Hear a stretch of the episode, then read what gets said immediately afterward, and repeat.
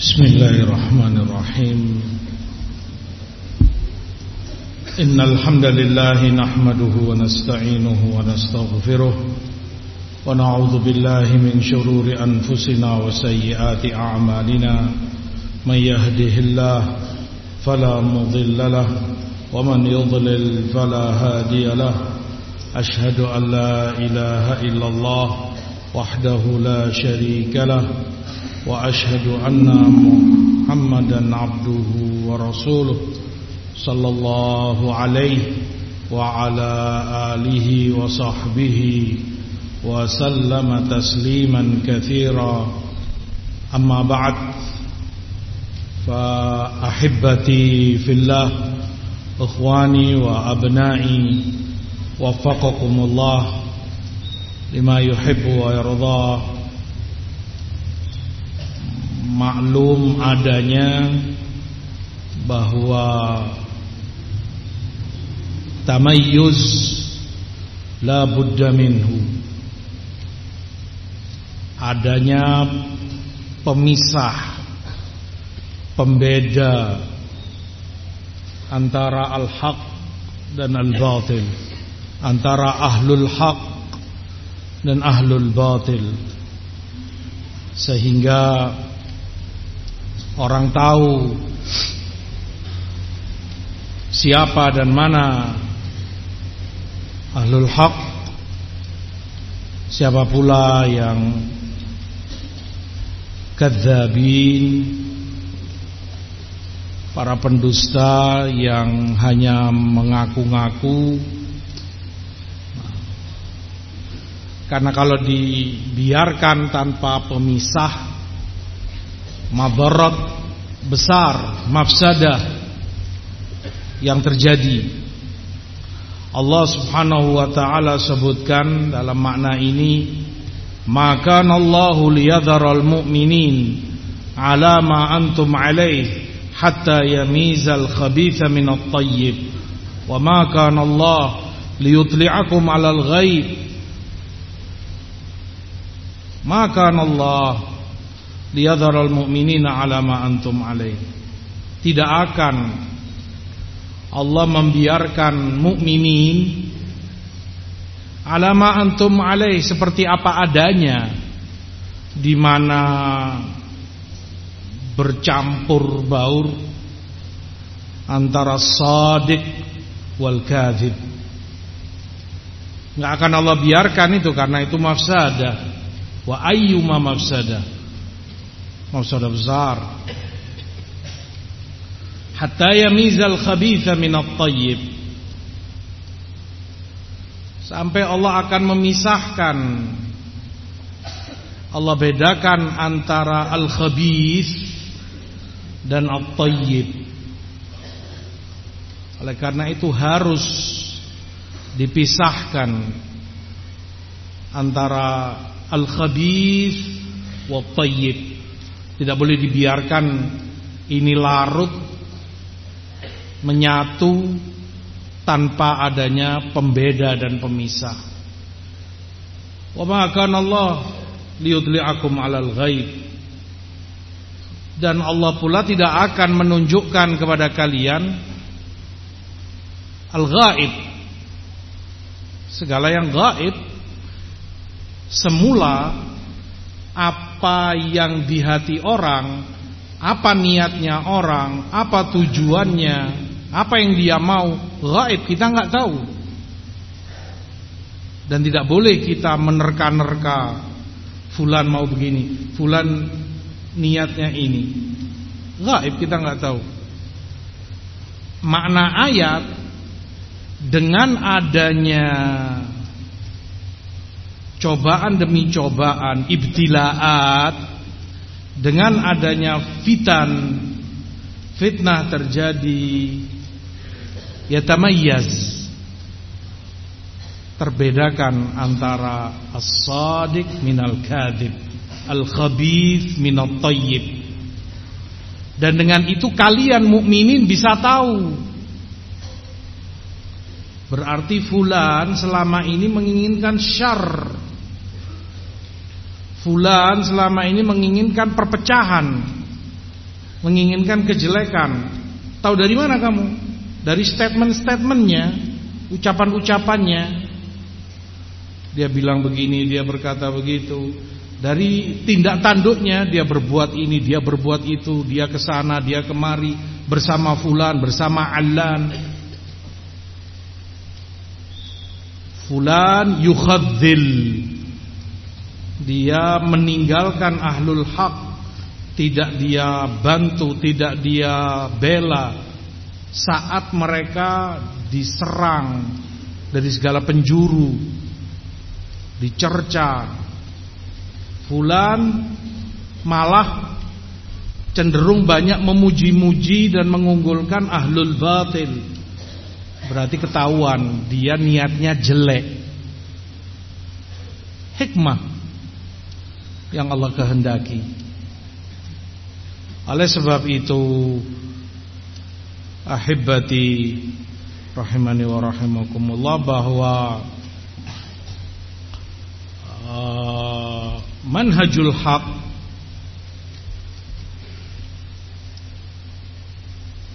manhaj salafi memiliki sifat dan kriteria yang tampak dari situ terbedakan siapa yang jujur dan benar-benar di atas manhaj ini Siapa pula yang mengada-ngada dan sebatas mengaku-ngaku orang akan bisa membedakan yang ada padanya ciri-ciri ini. Rabi idnillah dia min ahlil haq manhaj salafi haq yang tidak ada padanya ciri-ciri ini. Berarti dia bukan min ahlihi. Bukan dari min ahli manhajil haq dirangkum ciri-ciri itu oleh para ulama wa masyayikhud da'wah tentunya dari Al-Qur'an dari sunnah dan asar salaful ummah. Asar dari para sahabat dari tabi'in. Wal a'immah min atba'ihim bi ihsan. Seperti disebutkan khairul umuri ma kanat sunnatan wa syarrul umuri al muhdatsatil bada'i'u.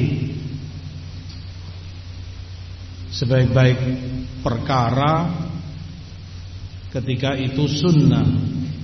Ada riwayat ada asar dari Rasul dari sahabatnya tabi'in sebagaimana perkara terjelek segala yang direkayasa diada-adakan dipaksakan dan itu kebedahan-kebedahan yang ada Baik. Sifat yang pertama, ciri yang membedakan manhaj salafi al-haq dari yang lain adalah al-ihtimam bil ilm. Perhatian dan kesibukan dalam ilmu ilmu syar'i al-inayah bitafaqquh fid din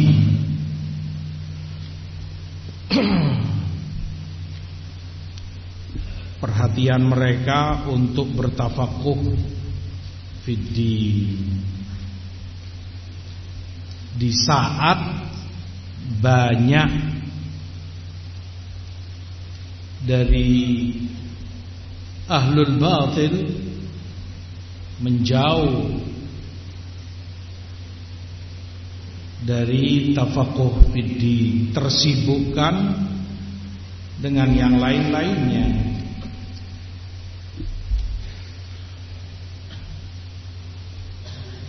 mereka senang mengaku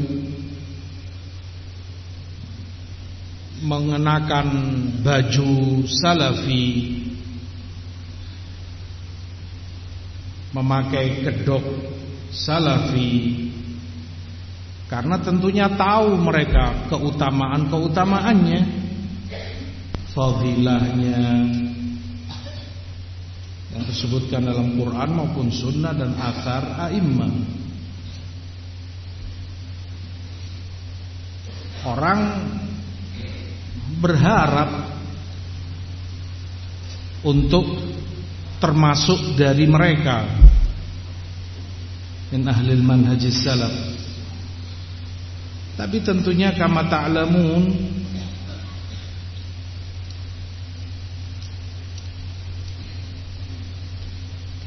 ad-da'awi idza lam yuqim ashabuha bayinat ad'iya'u. Sebatas pengakuan kalau orangnya tidak bisa menunjukkan bukti ya cuman pengaku-pengaku bohong. Intinya adalah pembuktian. Ada tidak padamu kebenaran apa yang kamu sebutkan? Buktikan al-inayah bil ilm al-ihtimam Bitafaqquh Ini ciri yang pertama karena ciri ada beberapa dan jalan kebaikan itu banyak. Lanahdiyannahum subulana. Subulul khair banyak.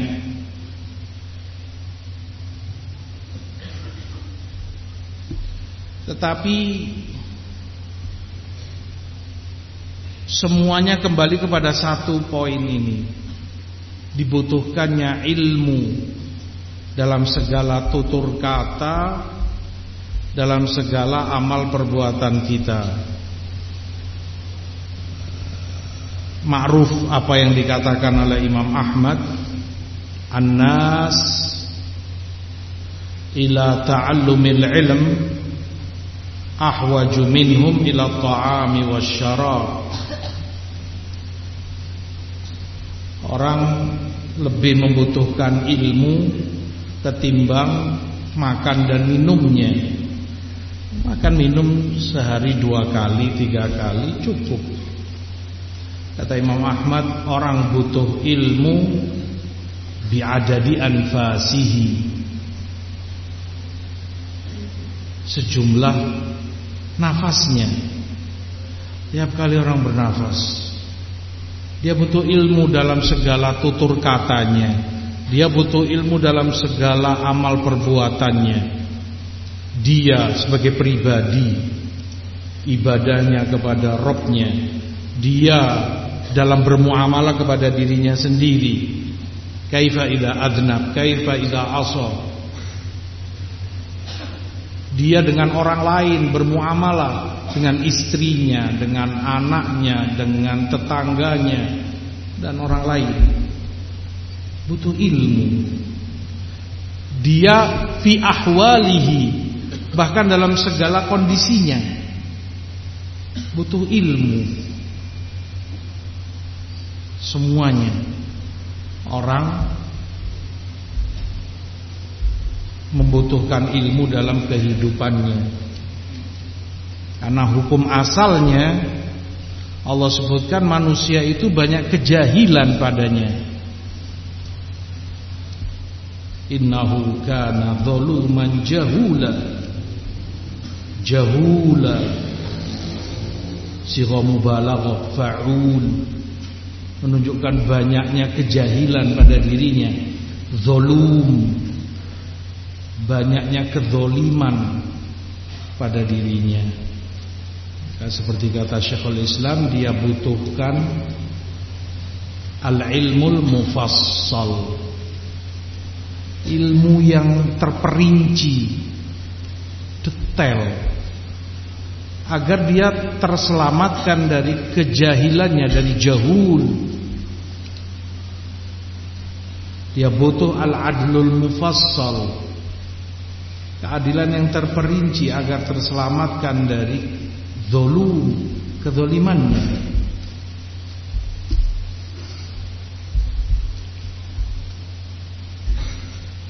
Ilmu tentunya membutuhkan kesabaran, membutuhkan waktu dan proses. Disebutkan oleh Abu Darda radhiyallahu taala an la tazalu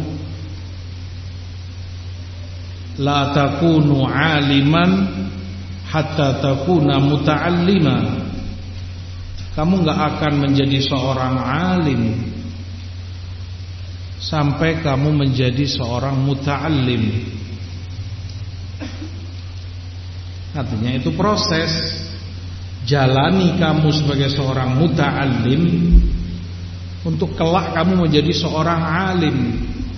Wah kata bitadarruj ma'as sabr ma'a mururil ayam ayyam wal layali. Seperti kata Ibnu Syihab Az-Zuhri.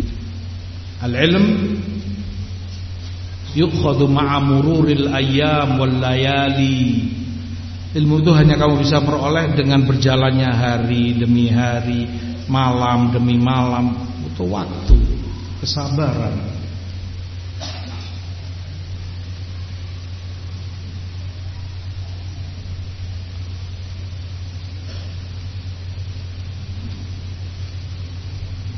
Sebagian salaf menyebutkan la tazalu aliman ma tatlubul ilm.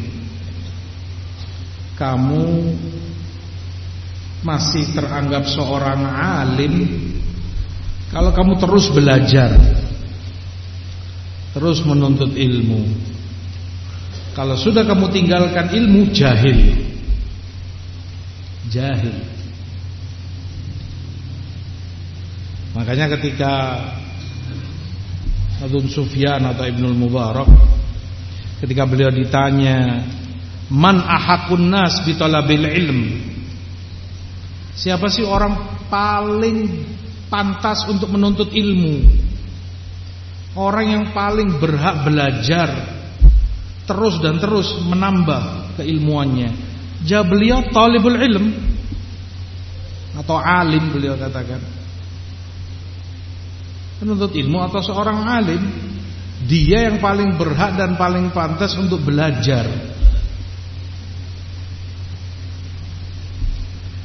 Kenapa? Kata beliau li'annal khata fi haqqil alim kabir la yahsun. Karena kesalahan seorang alim itu besar, nggak sama dengan kesalahan orang jahil, orang awam. Wa kama yuqal zillatul alim zallatul alam. Ketergelinciran kesalahan dari seorang alim itu bisa berakibat gonjangnya alam besar. Di belakangnya sekian banyak orang menunggu, melihat, mengikuti apa yang diucapkan, apa yang difatwakan, apa yang dijelaskan oleh bulan al-alim. Gak pantas dia salah. Artinya dia dituntut untuk lebih berhati-hati dalam tutur kata, dalam fatwa, dalam ilmunya. Maka dia yang paling berhak untuk menuntut ilmu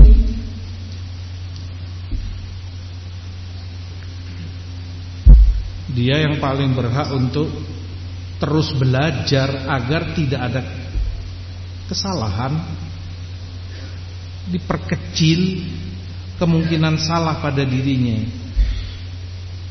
Karena tadi nggak sama kesalahan seorang alim dengan seorang jahil. nggak akan bisa disamakan abadan. Makanya dia yang paling pantas dan dengan ilmu terbedakan orang. Al-Abrosh rahimahullah pernah mengatakan ta'allam falaisal mar'u yuladu aliman belajarlah karena nggak ada orang yang dilahirkan dalam keadaan berilmu. Dia perlu belajar perlu proses. Wa inna kabiral qaumi saghirun indahum idza mahtafat alaihi mahafilu dan orang besar atau tua kalau nggak ada ilmunya saghir jadi orang kecil. Terutama idza tafat alaihi mahafil kalau ada perkumpulan. Ketika banyak orang majelis besar. Di situ terlihat bedanya. Qala Imam Malik rahimahullah. Ada Imam Malik, Imam Darul Hijrah rahmatullahi alaih.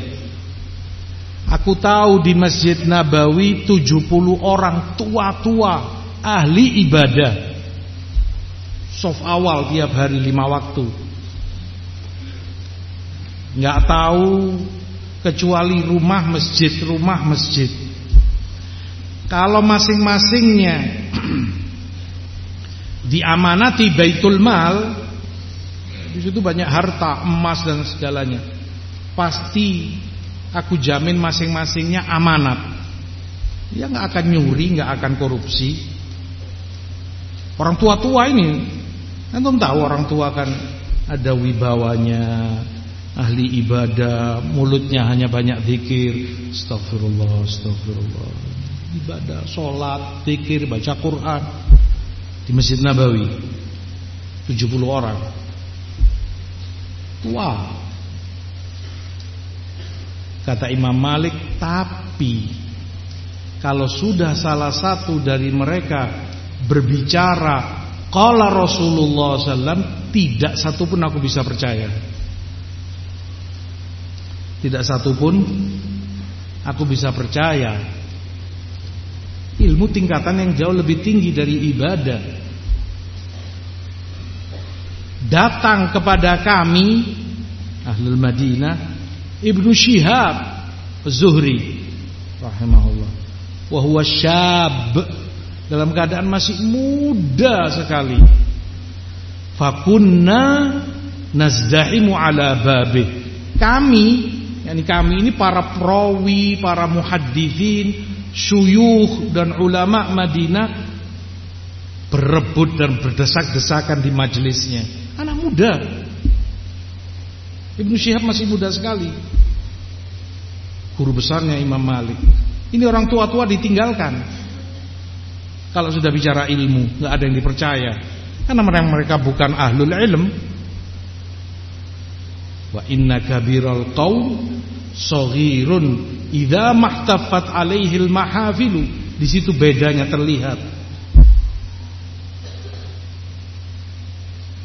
kalau sudah ada perkumpulan kalau sudah ada banyak orang. Yang dicari yang dibutuhkan orang berilmu bukan orang tua. Bukan dia sebagai orang besar tokoh di masyarakatnya bukan. Orang yang berilmu. Walaupun muda sekali usianya. Dan ma'ruf kisah. Harun al-Rashid Saat masuk Baghdad atau Basrah. Khalifah antum tahu orang nomor satu. Ya tentunya ketika masuk Dia dengan pasukannya jalan disterilkan namanya khalifah. Dengan pasukan khususnya pengawalnya. Nggak ada gejolak nggak ada perubahan apa-apa di kota Baghdad masing-masing berjalan yang ini jual beli ya jual beli yang di pasar di pasar jalan kehidupan seperti biasa ada khalifah datang sampai beliau masuk istana. Tidak lama dalam keadaan beliau di istana terdengar suara gemuruh luar biasa.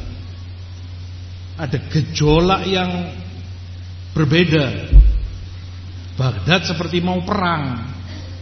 Ya, antum kalau ada orang berlarian, ada orang menuju suatu tempat kan terdengar dan terlihat ada apa ini orang pada lari-lari pada rame butuh butuh butuh butuh butuh butuh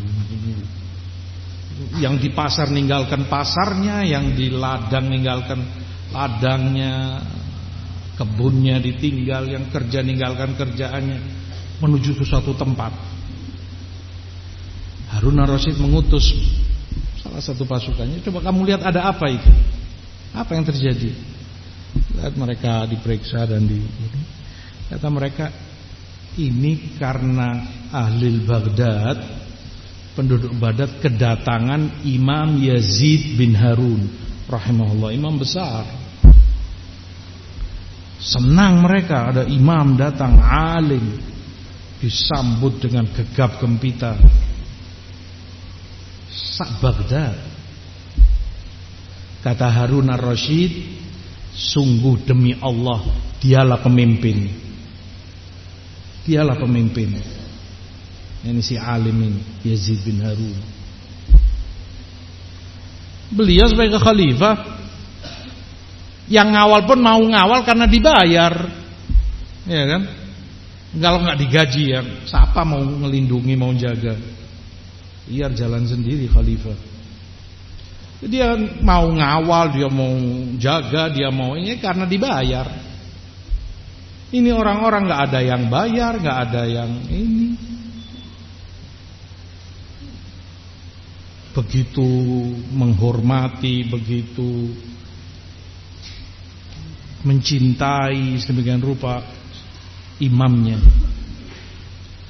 Dan Harun Rasid faham itu. Sungguh demi Allah itu seorang pemimpin Hakikatnya seorang pemimpin itu Betul-betul dikagumi Punya wibawa Dicintai oleh umatnya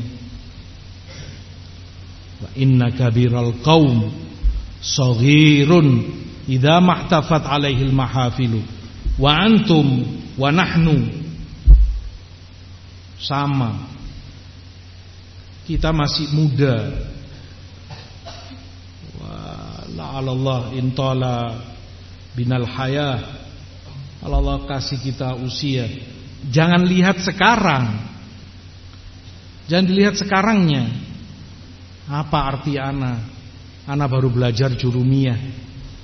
Siapa ana? Ana baru ngerti alif ba ta. Iya sekarang. Tapi lihat masa depanmu. Jauh ke depan.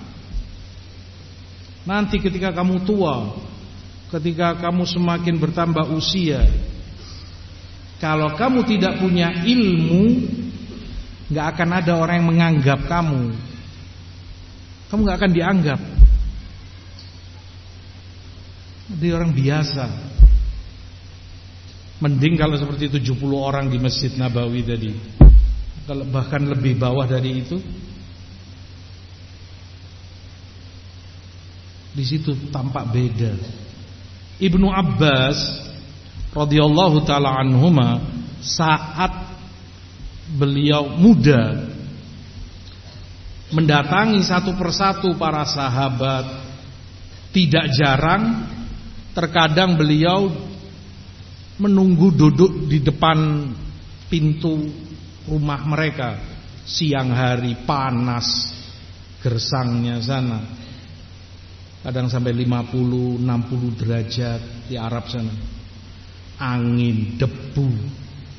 Nunggu ini sahabat keluar didampingi oleh beliau sambil beliau tanya, sambil beliau mengambil faidah. Ditegur oleh seorang temannya sejawat dari Ansor. Ada apa Ibnu Abbas? Para sahabat masih banyak, ini kibar yang senior-senior para sahabat masih ada. Ada Abu Bakar, ada Umar, ada Uthman, ada fulan, fulan, fulan. Ini dia mau katakan siapa yang butuh kamu? Ngapain kamu sebegitunya kepada ilmu? Iya saat itu. Tapi nggak lama waktu. Kehidupan berjalan, yang tua pasti meninggal. Tongkat estafet harus dilanjutkan. Siapa yang melanjutkan? Ibnu Abbas. Jadilah beliau imam, alim, hibr hadhil ummah. Rujukan umat ini. Enggak lama. Maka jangan mendengar bisikan syaitan. Ad-darbu tawil. Jalan masih terlalu panjang. Enggak ada artinya anak Kapan masyaikh dan ulama masih banyak walhamdulillah. Kamu nggak akan tahu kapan saat kamu sangat membutuhkan ilmu itu. Anas bihajah ilal ilm. Orang itu butuh ilmu. Orang itu butuh pendamping, pembimbing mereka. Makanya terisyaratkan di dalam hadis hatta idalam yabqa alimun atau hatta idza lam yubqi aliman ittakhadhan nasu ru'usan juhala al hadis tidak lagi tersisa seorang alim orang mengangkat juhal sebagai pemimpinnya pembimbingnya karena mereka butuh nggak bisa mereka tanya ini boleh enggak halal haram sunnah bid'ah khair, syar. Orang butuh. Dan kamu nggak tahu kapan waktunya itu datang padamu. Saat kamu harus memimpin. Paling tidaknya dalam skup kecil di rumah tanggamu sendiri. Bagaimana kamu membina rumah tanggamu, anak istrimu. Kalau ilmu nggak ada padamu. Maka butuh kesabaran, butuh ketelatenan, butuh kesinambungan terus dalam tolabul ilmu. Seperti yang banyak ulama nukilkan eh, bagus.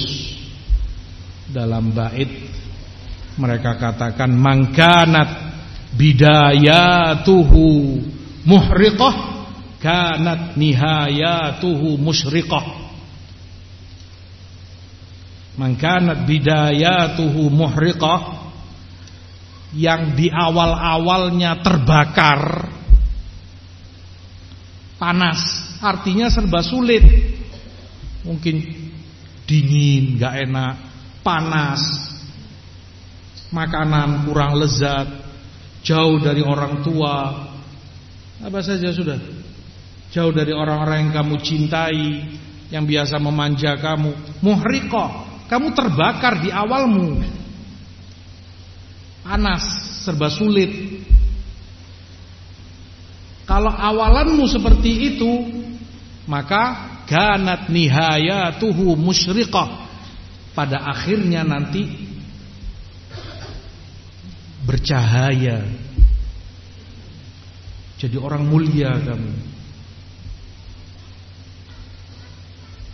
Terhormat maka berpikirlah ke depan Jauh Masa depan Jangan melihat sekarang. Sekarang masa untuk kita Muhriqah Terbakar. Masih serba sulit. Dan begitu a'imah Bukan kita saja. Bahkan gak ada apa-apanya kita jauh dari mereka. Kesulitan, kendala yang mereka hadapi dalam tolabul ilm yang kencing darah, yang nggak makan beberapa hari, yang berjalan kaki dari satu negeri ke negeri lain. Apa artinya kita? Nihayatuhu musyriqah. Lihat pada akhirnya bercahaya. Dikenang namanya sepanjang masa, dibutuhkan ilmunya. Hampir dalam tiap majelis. Sebut saja Nawawi. Siapa yang tidak kenal Nawawi? Tiap majelis sebut qala Nawawi rahimahullah, didoakan oleh sekian banyak orang. Rahimahullah dalam Riyadhus Shalihin misalnya. Begitu yang lainnya Syekhul Islam Al-A'imah fulan wa fulan wa wa wa wa Ilmu butuh inayah wal ihtimam keseriusan dan kepedulian dan itu yang membedakan sabari setiap tempat ada saja kekurangannya pasti. Ini dunia nggak ada kesempurnaan hanya di jannah. Di sini kamu mungkin ada kekurangan ini itu. Mungkin kamu mendengar temanmu enakan di sana. Di tempat kami sini enak, pindah saja ke sini. Di sini begini, begini, begini, begini, enak mana. Kamu tergoda untuk pindah ke sana. Nanti di sana ternyata pasti ada kekurangannya, entah pengajarnya, entah ininya, entah itunya. Nggak kerasan lagi. Cari informasi lagi temanmu yang di sana. Aksan pindah sini. Maka begitu kamu mencolok dari satu tempat ke tempat lain, waktu terus berjalan, usiamu terus bertambah, semangatmu semakin kendor, yang lain yang bersabar di tempat ini mendapat hasilah, mendapat banyak penghasilan ilmu sementara kamu nol. Seperti yang sering kita sebutkan seorang talibul ilm. Allah alam pernah sebutkan sini atau enggak? Ala kulli hal ibrah dia asalnya belajar di Syekh Mukbil di Ma'had beliau di rahimahullah. Di Dammajan. Lama kelamaan dia dibisiki oleh Syekh lebih banyak membahas hadis, ilat-ilatnya, jarh wa para perawi, pembahasan para ulama, riwayat, diroya panjang lebar, mustolah ini itu. Ke sana kemari pembahasan beliau luas. Ini orang Talib ini berkata mana fikih? Syekh kurang memperhatikan fikih, pembahasan fikih, mazahib, muqaranah, akwal a'immah, terjihat, dalil. Ini kurang bagi dia. Dia rindu dan pingin seperti majelisnya Syekh Ibn Uthaymin di Qasim sana, Saudi. Ala kulihat sampai berakhir di Ma'had Syekh Mukbil dia nggak pernah hadir di majelis beliau.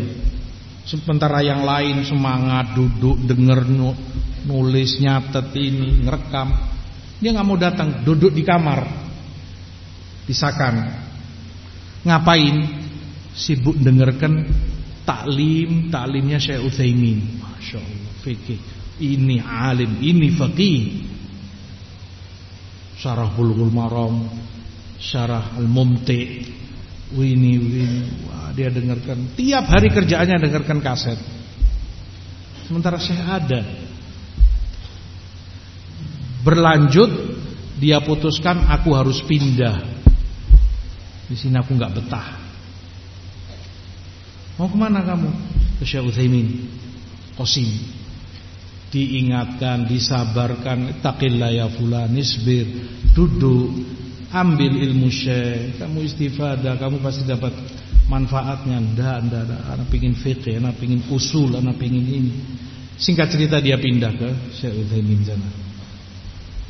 Duduk sehari, dua hari, sebulan, dua bulan.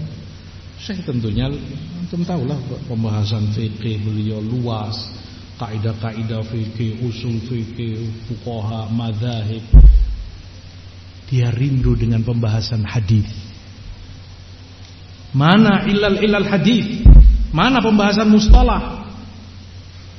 Jarh ta'dil para perawi, riwayat, dirayat, enggak seperti Syekh Mukbil. Singkat cerita, di Ma'had Syekh Ibn Utsaimin dia enggak pernah hadir. Syekh ngajar. Dia gaib di mana? Sakan. Ngapain? Dengar ceramahnya Syekh Mukbil. Masya Allah hadir Haddathana fulan Imam qala fulan Jar ta'dil Mustalah Masya Allah La hadha wa la hadha Futur pada akhirnya ini orang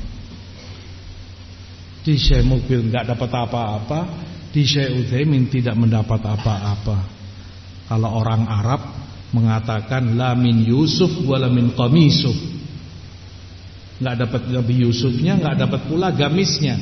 Abahnya Nabi Yusuf masih mending. Kisahnya beliau kan. nggak dapat Nabi Yusufnya hilang, dibuang saudaranya, tapi mending paling tidaknya dapat bajunya, diciumi. Melepas rindu. Ini Nabi Yusufnya nggak dapat, pakaiannya pun nggak dapat. Apa yang tersisa? La Utsaimin wala Mukbil, nggak ada yang dia peroleh. Sabar Itu yang membedakan Talabul ilm butuh kesabaran Butuh ketelatenan Sta'in billah Wala ta'jaz Kamu ihtisab Berharaplah Pahala di sisi Allah Dengan segala kesulitan yang kamu hadapi ini semua nggak lewat begitu saja. Kamu kelaparan, kamu kedinginan, kamu ajar indallah kalau saja kamu berikhtisab.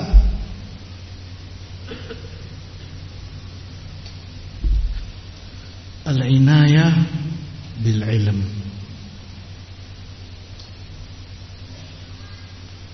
Yang kedua, al-hirs alal amal yang membedakan manhaj ini pula adalah semangat dalam pengamalannya Mengamalkan ilmu yang telah sampai padamu Yang wajib maupun yang sunan.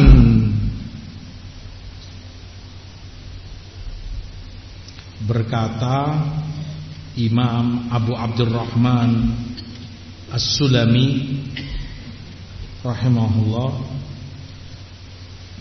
haddatsuna alladziina kanu yuqri'una al-Qur'an annahum kanu yastaqri'una min Rasulillah sallallahu alaihi wasallam fakanu idza ta'allamu 'ashra ayat lam yukhallifuha hatta ya'malu bima fiha min amal. Fata'allamna al-Qur'an wal amal jami'an.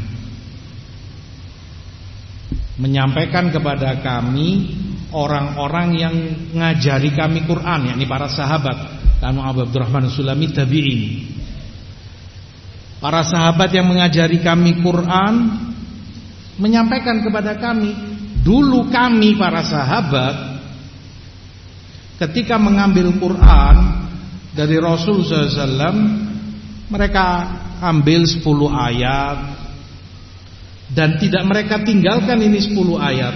Mereka nggak pindah ke ayat yang lain sampai mereka pelajari segala ilmu yang ada di situ apa yang Allah sebutkan di situ halal, haram, perintah, larangan, hukumnya seperti apa.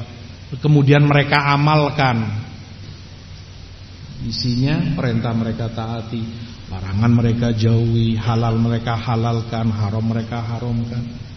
Baru mereka pindah ke ayat berikutnya. Maka mereka katakan kami sahabat begitulah. Kami pelajari ilmu dan amal sekaligus berdampingan. Ya ilmu ya amalannya.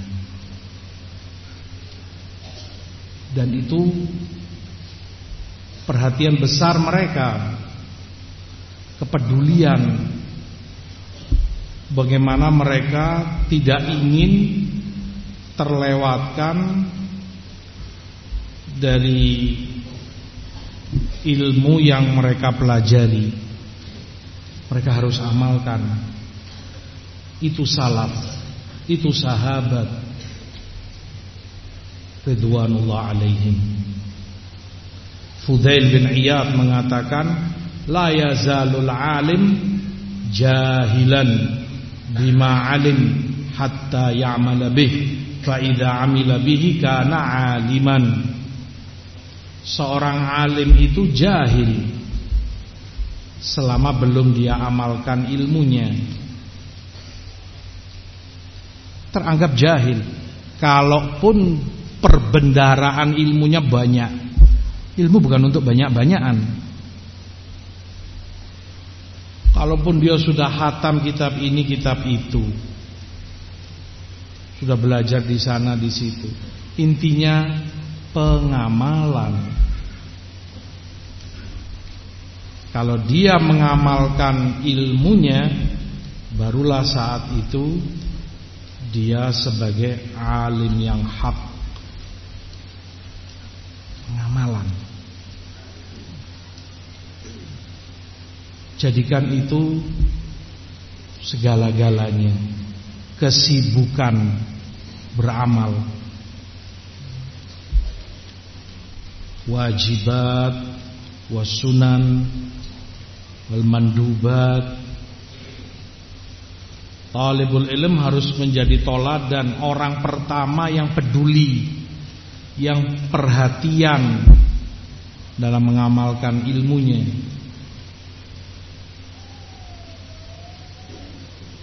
dalam sholatnya dalam zikirnya dalam doanya dalam puasanya, dalam sedekahnya, dalam segalanya. Wahakala.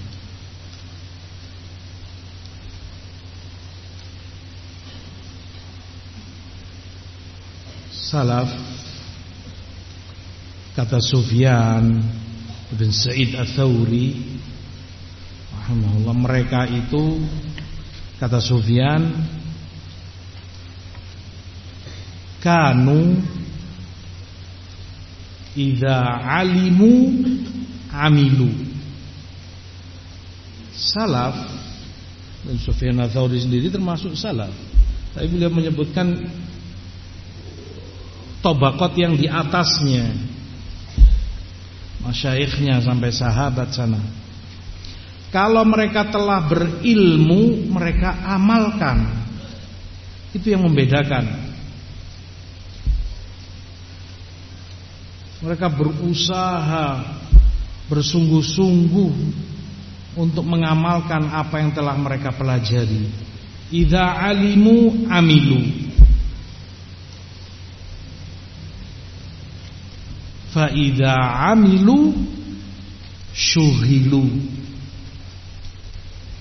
Dan mereka ketika telah beramal syughilu. Mereka tersibukkan. Tersibukkan dengan amalannya. Tersibukkan dengan ilmunya. Ilmu itu sendiri kan menyibukkan. Antum saja. Sibuk kan? Mulai pagi masuk Jam berapa? Setengah delapan mungkin. Atau jam tujuh Mulai masuk Dengarkan ustadznya, mudarisnya ngajar Nyatet ini itu ngerangkum Sebentar lagi atau sebelum itu subuh harus murojaah, tasmi Quran, ziyadah. Sampai nanti zuhur, makan istirahat sebentar, asar murojaah lagi. Malam persiapan untuk kajian besok, durus. Mungkin pengulangannya, mungkin durus yang baru. Antum jadi sibuk kan? Itu baru ilmunya sudah nyibukkan waktu. Begitu pula pengamalannya, menyibukkan. Diamalkan. Terapkan pada dirimu amalan itu. Kata Sufyan, "Fa syuhilu fukidu." Kalau mereka sudah sibuk, orang kehilangan. Ini jarang kelihatan. Ke mana Fulan? Fulan mana? Tidak pernah kelihatan, nggak nongol. Karena dia sibuk, bukan pengangguran yang bisa ditemui sewaktu-waktu bisa ke sana kemari seperti orang-orang yang pengangguran. Orang kehilangan. Faida fukidu tulibu. Begitu orang kehilangan, orang semakin nyari. Orang semakin mengejar. Di mana mereka ini? Dicari, dikejar. Orang butuh Yang ini mau tanya Yang ini minta fatwa Yang ini minta nasihat Minta bimbingan Yang ini, yang itu. Fa'idha tulibu harobu. Dan begitu mereka sadar Semakin dikejar Mereka semakin lari. Dan itu buah daripada ilmu Takut. Salah dalam berfatwa. Tidak senang untuk kemudian mereka menjawab segala yang ditujukan padanya. Lari menjauh, mereka menghindar. Seperti itu kriteria dan sifat salaf. Rahimahullah. Wal nakun mithlahum. Dan itu toladan kita, berusahalah kita untuk mencontoh Paling tidak ada usaha untuk menjadi seperti itu. Wa tashabbahu illam takunu mithlahum inna tashabbuha bil kirami karimu. Berusaha meniru orang-orang baik, orang-orang mulia seperti mereka karena menyerupai orang mulia adalah kemuliaan. Mereka suri toladan bagi kita. Pengamalan. Talibul ilm.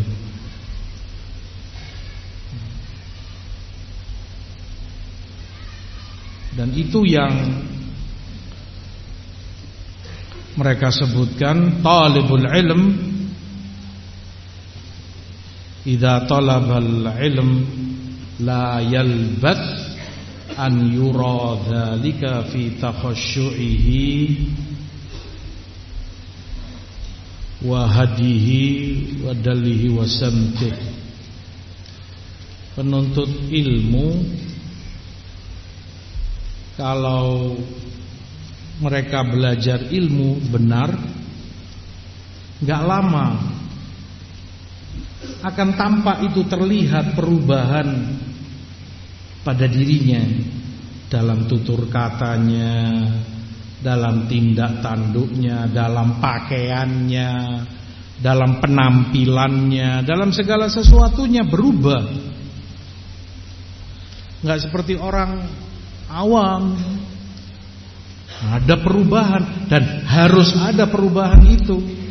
Tanda kalau itu ilmu nafi' yang dia pelajari, merubah dirinya kepada yang lebih baik tentunya.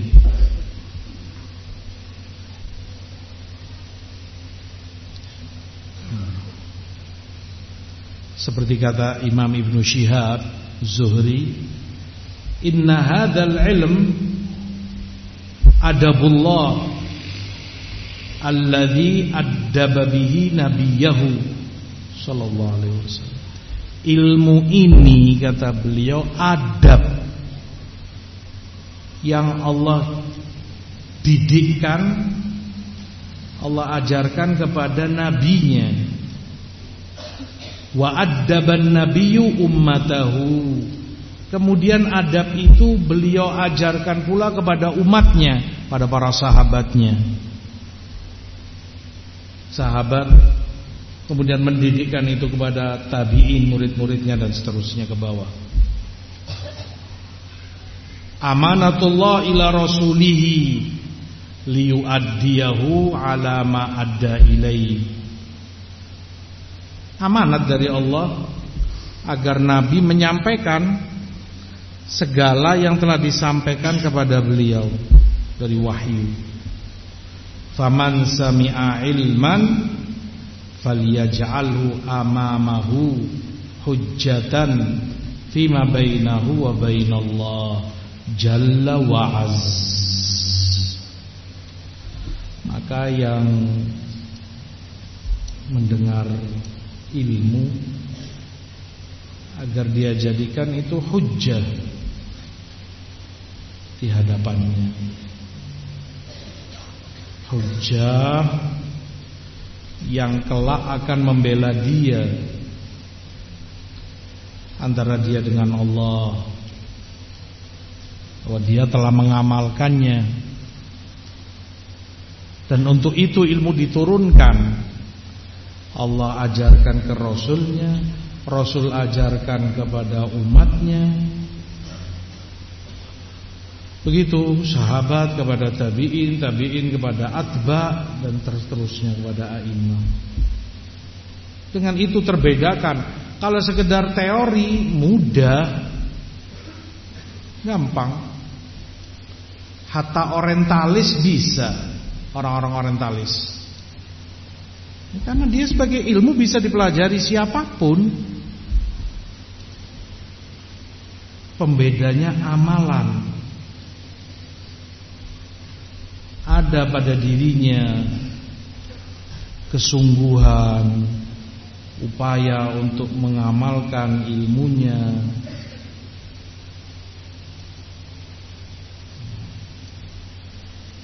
diamalkan. Kalau talibul ilm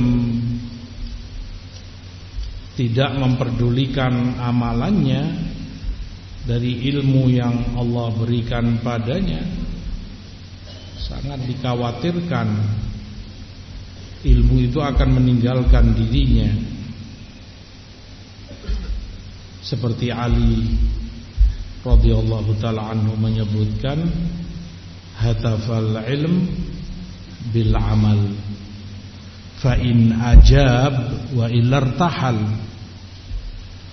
ilmu itu memanggil amalan. Ya, ini untuk diamalkan ada bersama ilmu.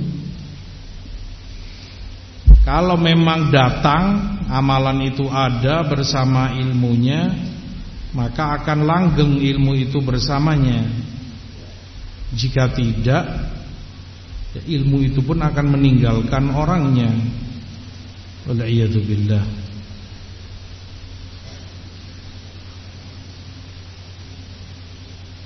al-ilm atau al-amal qarinul ilm. Amalan itu korin selalu mendampingi dan bersama ilmu. Tidak ada artinya ilmu seseorang kalau tidak ada pengamalan dari orangnya.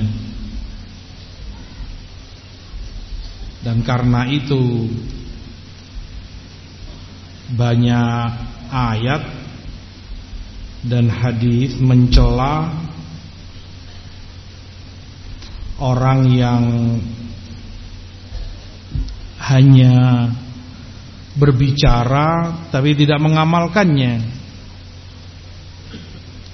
Dan itu berpengaruh tidak bisa tidak. Makanya ma'ruf Imam Ibnu Jauzi ketika beliau ditanya, "Kenapa kalau Anda yang berbicara orang semua terketuk hatinya, tersentuh, berpengaruh ucapan itu betul-betul kuat. Orang pada menangis, orang pada sadar Tapi kalau yang lain kok nggak seperti itu? Begitu beliau ditanya oleh anaknya, maka ma'ruf apa yang dijawab oleh Ibnu Jauzi, ya bunayya, laisat naihatut thuqla kanaihatil mustajarab. Wahai anakku, tangisan seorang ibu kandung yang ditinggal mati anak kandungnya itu jauh beda dengan tangisan wanita bayaran. Maksudnya dulu di zaman di Arab sana kalau orangnya kaya biasanya keluarga kaya ada yang mati mereka manggil orang-orang juhala wanita-wanita awam ini dan dibayar untuk nangis. Mereka maukan untuk menunjukkan ke orang kami ini keluarga penting. Keluarga kami ini dihormati orang ada yang mati saja banyak yang nangis, banyak yang merasa kehilangan. Padahal karena mereka dibayar. Keluar memang air mata, tapi karena bayaran, bukan dari hatinya. Kata Ibnu Jauzi, tangisan ibu itu, itu ibu kandungnya. Gak dibayar pun akan nangis. Dan betul-betul dari hatinya yang mati anak kandungnya. Anak yang dia rawat dalam rahimnya sembilan bulan, anak yang dia besarkan dengan penuh kasih sayang. Itu tinggal mati betapa sedihnya ibu itu. Nangis, sama-sama air mata keluar, tapi apa sama kata Ibnu Jauzi? Yang ini ibu kandung, yang ini dibayar. Jauh. Berbeda. Disebutkan beliau pernah diminta untuk berbicara fadilah membebaskan budak. Ya, ini ada keutamaannya orang yang memerdekakan budak dibebaskan. Selalu beliau tunda-tunda, jangan sekarang. Tapi kapan nanti kita lihat waktu. Lewat satu bulan, ya imam, fadilah orang butuh di jamek masjid besar. Jangan sekarang. Beliau tunda, beliau tunda, beliau tunda sekian waktu sampai kemudian beliau bicara. Setelah beliau turun ditanya, "Kenapa Anda harus menunda sekian lama?" Kata beliau, "Aku tidak ingin bicara tentang keutamaan itu, fadilahnya besar, sementara aku sendiri nggak pernah ngamalkan. Sekian lama itu aku berusaha mengumpulkan harta untuk memerdekakan budak. Baru aku berani bicara tentang keutamaannya." Diamalkan. Ilmu dipelajari untuk diamalkan. Itu yang membedakan mereka Pengamalan terhadap ilmunya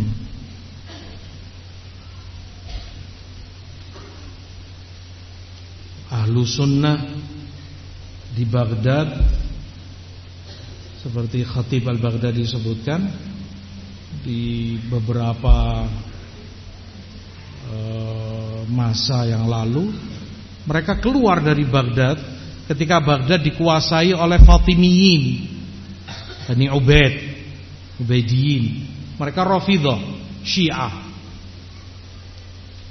Yang menguasai ibtila fitnah dari Allah.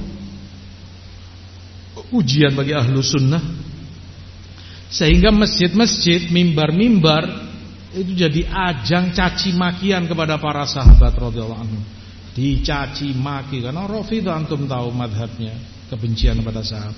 Dikafirkan, difasikkan, habis itu. Lalu sunnah nggak tahan tinggal di Baghdad sehingga mereka memilih keluar menjauh dari Baghdad tinggal di tepi-tepi perbatasan kota sana sehingga mereka selamat tidak mendengarkan celotehan-celotehan ahlul batil ini. Mereka amalkan ilmunya.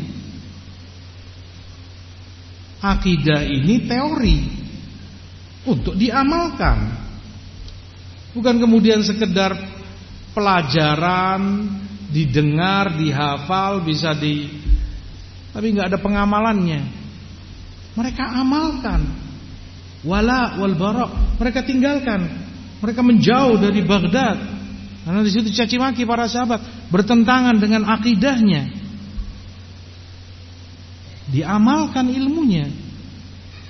Itu yang membedakan mereka.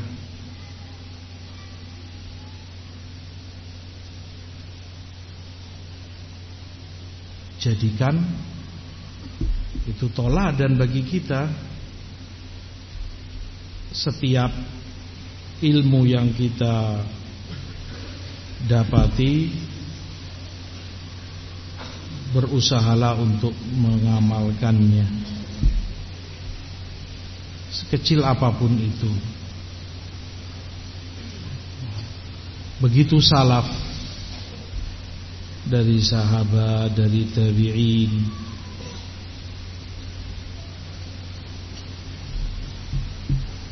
Makanya Ibrahim Ibnu Adham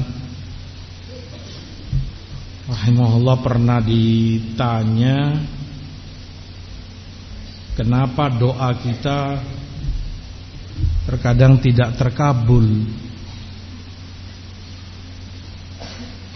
Padahal kita sudah berdoa dan berdoa. Maka jawab beliau itu karena salah satu atau semua dari lima perkara. Araftumullah falam tu'addu haqqah. Kalian mengenal Allah tapi tidak kalian tunaikan hak-haknya. Wa qara'tumul Qur'an falam ta'malu bima bi. Kalian baca Quran tapi kalian tidak mengamalkan isinya. Wa qultum nuhibbur rasul wa taraktum sunnata Kalian ucapkan kami cinta kepada Rasul Tapi kalian tinggalkan sunnahnya. Tidak ada pengamalannya. Wa kultum nal'anu iblis wa ata'tumu. Kalian ucapkan iblis la'natullah alaih. Syaitan ar-rajim Yang terkutuk. Tapi kalian mentaatinya. Wal khamisah dan yang kelima kata beliau taraktum uyubakum wa akhadtum fi uyubin nas. Kalian sibuk ngurusi aib orang lain dan kalian tinggalkan aib diri kalian sendiri. Tidak kalian benahi. Asyahid eh, mereka salaf mendidik kita untuk mengamalkan apa yang kita ketahui dari ilmu diamalkan. Ilmu didengar, dibaca, ditulis untuk diamalkan. Dan itu intinya buah daripada ilmu pengamalannya. keikhlasan. Kita sering belajar keikhlasan. Nas'alullah min fadlih. Nas'alullah taufiq. Pentingnya ikhlas, amalan lillah taala, jangan karena orang, jangan mengharap pujian, jangan ya teori. Wa ma umiru illa liya'budullah mukhlishina lahuddin. Al ayat wal ahadits banyak pengamalannya fil ahwal kulliha fil mawakif saat kita menghadapi situasi di mana dipertaruhkan keikhlasan di situ. Rahimallah al-hafidh al-imam Ibnu Rajab. Rahimahullah. Beliau Suatu ketika Ibnu Rajab antum tahu ma'ruf imam, hafid, alim. Beliau membahas bersama murid-muridnya di majelisnya, di majelis beliau. Tentang suatu permasalahan fikih yang sangat rumit, sangat sulit dan tidak ada penjelasan yang tuntas dan ilmiah dan rinci terjabar dalam masalah itu dari fuqaha. Enggak ada dijelaskan oleh beliau dengan detailnya, dengan indahnya, dengan dalil-dalilnya secara ilmiah, kaidah-kaidahnya. begini perselisihan ulama kemudian ditarjih karena ini itu kaidah-kaidahnya sampai muridnya pada terbelalak. Masya Allah luar biasa guru kita. Ini benar-benar seorang alim. Sampai selesai. Selang beberapa hari beliau diundang bersama beliau beberapa muridnya di majelis amir semacam gubernur dan hadir di majelis itu semua tokoh-tokoh di daerah itu dari para ulama, fukoha semua didatangkan dipanggil, gubernur yang panggil. Para hakim-hakim, kodi-kodi dan jajaran-jajarannya. Hasil maka dilontarkan permasalahan oleh Amir dan beliau meminta penjelasan yang detail dan ilmiah tentang masalah itu, masalah yang kemarin dibahas oleh Ibnu Rajab. Maka bicara satu dua kodi, karena kodi ulama tentunya, tapi tidak memuaskan, menyisahkan ganjalan di sana lah. Kalau begini seperti ini bagaimana, rinciannya bagaimana? Enggak ilmiah. Beberapa fukoha bicara juga seperti itu. Itu murid-murid beliau apa ya kayak gemes. Kok nggak bicara syekh kita Ibnu Rajab? Ini mereka inginkan mereka ngelihat terus ke Ibnu Rajab. Seakan mereka katakan, "Ya Allah ya Syekh, bicara." Tentunya mereka senang namanya murid akan tampak di situ keilmuan beliau mengungguli dan di atas semuanya. Kalau beliau bicara, habis mereka fuqaha semua. nggak ada apa-apanya. Luar biasa penjelasannya kemarin. Diem Ibnu Rajab seribu bahasa.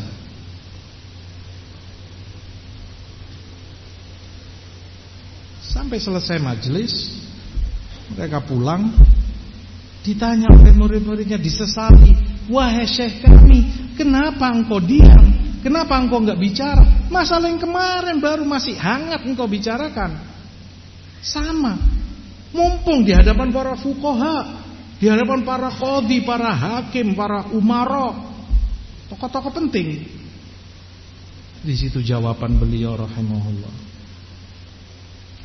Majlisi ma'akum lillah Majelisku bersama kalian lillah. Murni keikhlasan nggak berharap apa-apa. Murni itu perkara ilmu, pembahasan ilmiah. Wa majlisu haula lidunya. Majelis mereka tadi majelis dunia.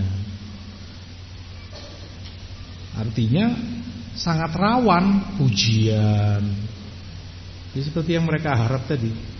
Orang kalau bicara yang lain nggak ada yang tahu kan terlihat di situ keilmuannya, kehebatan dia. Lebih dari yang lain. Orang bisa takabur, orang bisa ujub, merusak amalan. Maka beliau tinggalkan, nggak mau beliau bicara.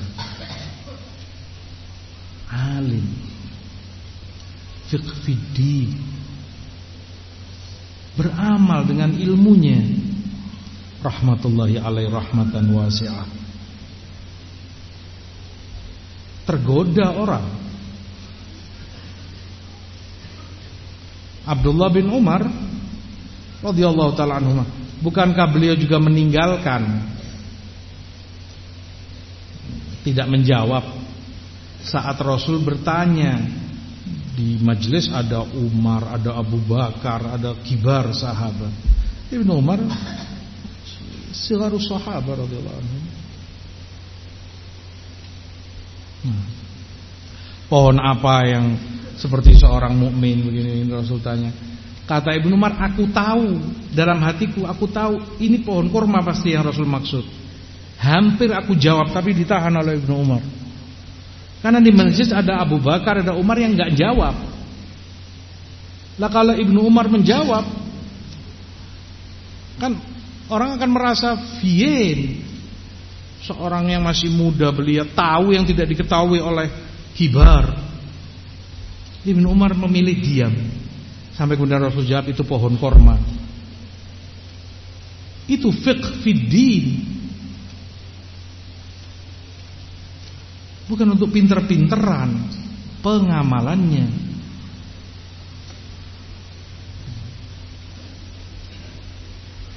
Astagfirullah billah. Wa nas'alullah lana wa lakumut taufiq Fal muwaffaq Man waffaqahullah Hanya yang Allah beri taufik Yang peduli terhadap ilmu Perhatian Semangat sabar terhadapnya dan perhatian untuk mengamalkannya. Waffaqanallah wa iyyakum limardhatih wassalatu wassalamu ala rasulillah. Wa akhiru da'wana alhamdulillahi rabbil alamin